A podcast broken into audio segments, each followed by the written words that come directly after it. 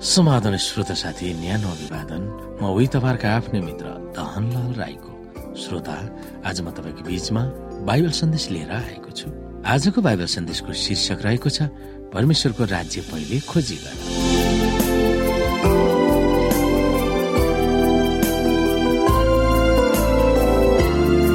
श्रोता सर्वसाधारण मानिसहरूले यीशुका वचनहरू सुन्न अत्यन्तै रुचाउँथे।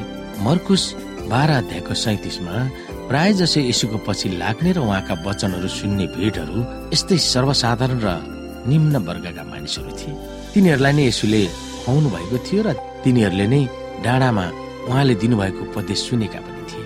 तिनीहरूको आवश्यकताप्रति संवेदनशील भएर बोल्नु भएको पनि थियो। मलाई थाहा छ तिमीहरूले आफ्ना परिवारहरूलाई कसरी सम्हाल्ने भनेर चिन्ता गरेका मलाई थाहा छ। घाँस बाँस कपासको निम्ति तिमीहरू फिक्री गर्छौ तर त्यो फिक्री तार्न तिमीहरूको सामु यो प्रस्ताव म राख्दछु। उहाँको प्रस्ताव र प्रतिज्ञाहरू मत्ती छ अध्यायको पच्चिसदेखि तेत्तिसमा उल्लेख गरिएको छ। उहाँका प्रतिज्ञाहरूको उपभोग गर्न मानिसहरू के गर्नु पर्दथ्यो भनेर हामी यहाँ पच्चिसदेखि हेर्छौँ। यसै कारण म तिमीहरूलाई भन्दछु के खाउँला के पिउँला भने आफ्नै प्राणको निम्ति र के लगाउँला भने आफ्नो शरीरको निम्ति फिक्री नगर। के जीवन खाने कुरा भन्दा र शरीर लुगाफाटा भन्दा उत्तम होइन? आकाशका चराचुरुङ्गीलाई हेर तिनीहरूले न त बिउ छर्छन् न त कटनी गर्छन्। न भकारीमा बटुल्छन्। तर तिमीहरूका स्वर्गका पिताले तिनीहरूलाई खुवाउनुहुन्छ के तिमीहरू तिनीहरूभन्दा बढी मूल्यवान छैनौ र तिमीहरू मध्ये कुन चाहिँले फिक्री गरेर आफ्नो आयुमा एक घडी पनि थप्न सक्छ? अनि लुगाफाटाका निम्ति तिमीहरू किन फिक्री गर्दछौ? मैदानका लिली फुललाई हेर ती कसरी बढ्दछन्? तिनले न परिश्रम गर्दछन् न धग काट्छन्। तर म तिमीहरूलाई भन्दछु सोलोमन राजा पनि आफ्ना सारा वैभवमा तिमीहरू मध्ये एउटा जति आभूषित थिएन। आज हुने र भोलि अगेनामा फालिने घाँसलाई परमेश्वरले यसरी पहिर्याउनुहुन्छ भने ए अल्पविश्वासी हो के तिमीहरूलाई झन बढी उहाँले पहिर्याउनु हुने छैन? यसकारण के खाउँला के पिउँला के के पहिर्याउला भनेर फिक्री नगर। किनकि अन्य जातिहरूले यी सब थोक खोज्दछन् र तिनीहरूका स्वर्गमा हुनुहुने पिताले तिमीहरूलाई यी सबै थोकको खाँचो छ भनी जान्नुहुन्छ। तर पहिले उहाँको राज्य र उहाँका धार्मिकताको खोजी गर र यी सबै थोक तिमीहरूका निम्ति थपिनेछ हामीले याद गर्नुपर्छ परमेश्वरको राज्यमा नीति वा आज्ञा छ। हामीले याद गर्नुपर्छ परमेश्वरको राज्यमा नीति वा आज्ञा छ त्यो हो तिमीले छ दिनसम्म परिश्रम गर्नु यसकारण भोलिको निम्ति फिक्री नगर किनकि भोलिको दिनले आफ्नो फिक्री आफै गर्नेछ। आजको दुःख आजको निम्ति पर्याप्त छ। परमेश्वरले दिनुभएको धेरै प्रतिज्ञाहरूमा द्विपक्षीय कार्यान्वयन हुन्छ।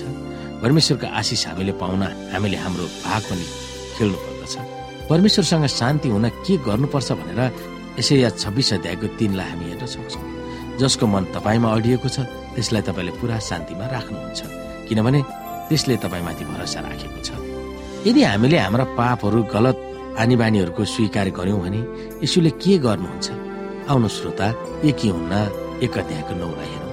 यदि हामीले आफ्ना पापहरू स्वीकार गर्यौँ भने उहाँले हाम्रा पाप क्षमा गर्नुहुन्छ र सबै अधर्मबाट हामीलाई शुद्ध पार्नुहुन्छ। किनकि उहाँ विश्वासयोग्य र धर्मी हुनुहुन्छ। परमेश्वरमा यदिहरू र अन्यहरूको प्रस्ताव के हुन्? हामी हेर्न सक्छौँ दुई इतिहास सात अध्यायको चौध पदमा यदि मेरो आफ्नै नाउँ दिएको मेरो प्रजाले आफैलाई नम्र पारेर प्रार्थना गर्छ र यदि मलाई खोजेर आफ्ना दुष्ट चालहरूबाट फर्कन्छ तब म स्वर्गबाट तिमीहरूको प्रार्थना सुन्नेछु र तिमीहरूका पाप क्षमा गर्नेछु र तिनीहरूको देशलाई म स्वस्थ पार्नेछु। हामीले हेरेका पदहरू र अरू धेरै पदहरूको एउटा महत्वपूर्ण तथ्यलाई प्रकट गर्दछ।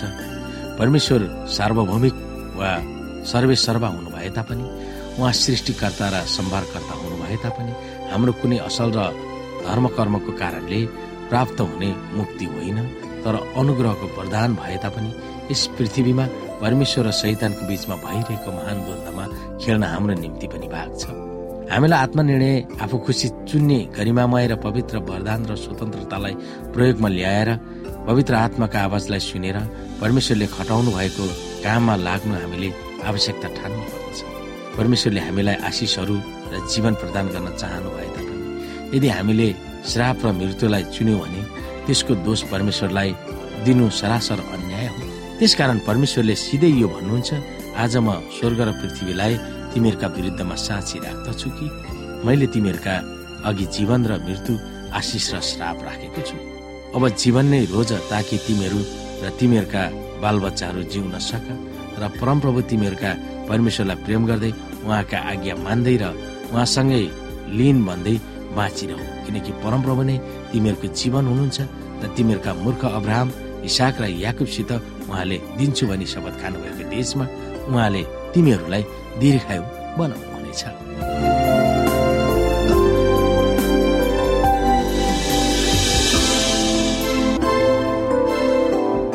श्रोता साथी आजको लागि बाइबल सन्देश यति नै। हस्त नमस्ते जय मसिंह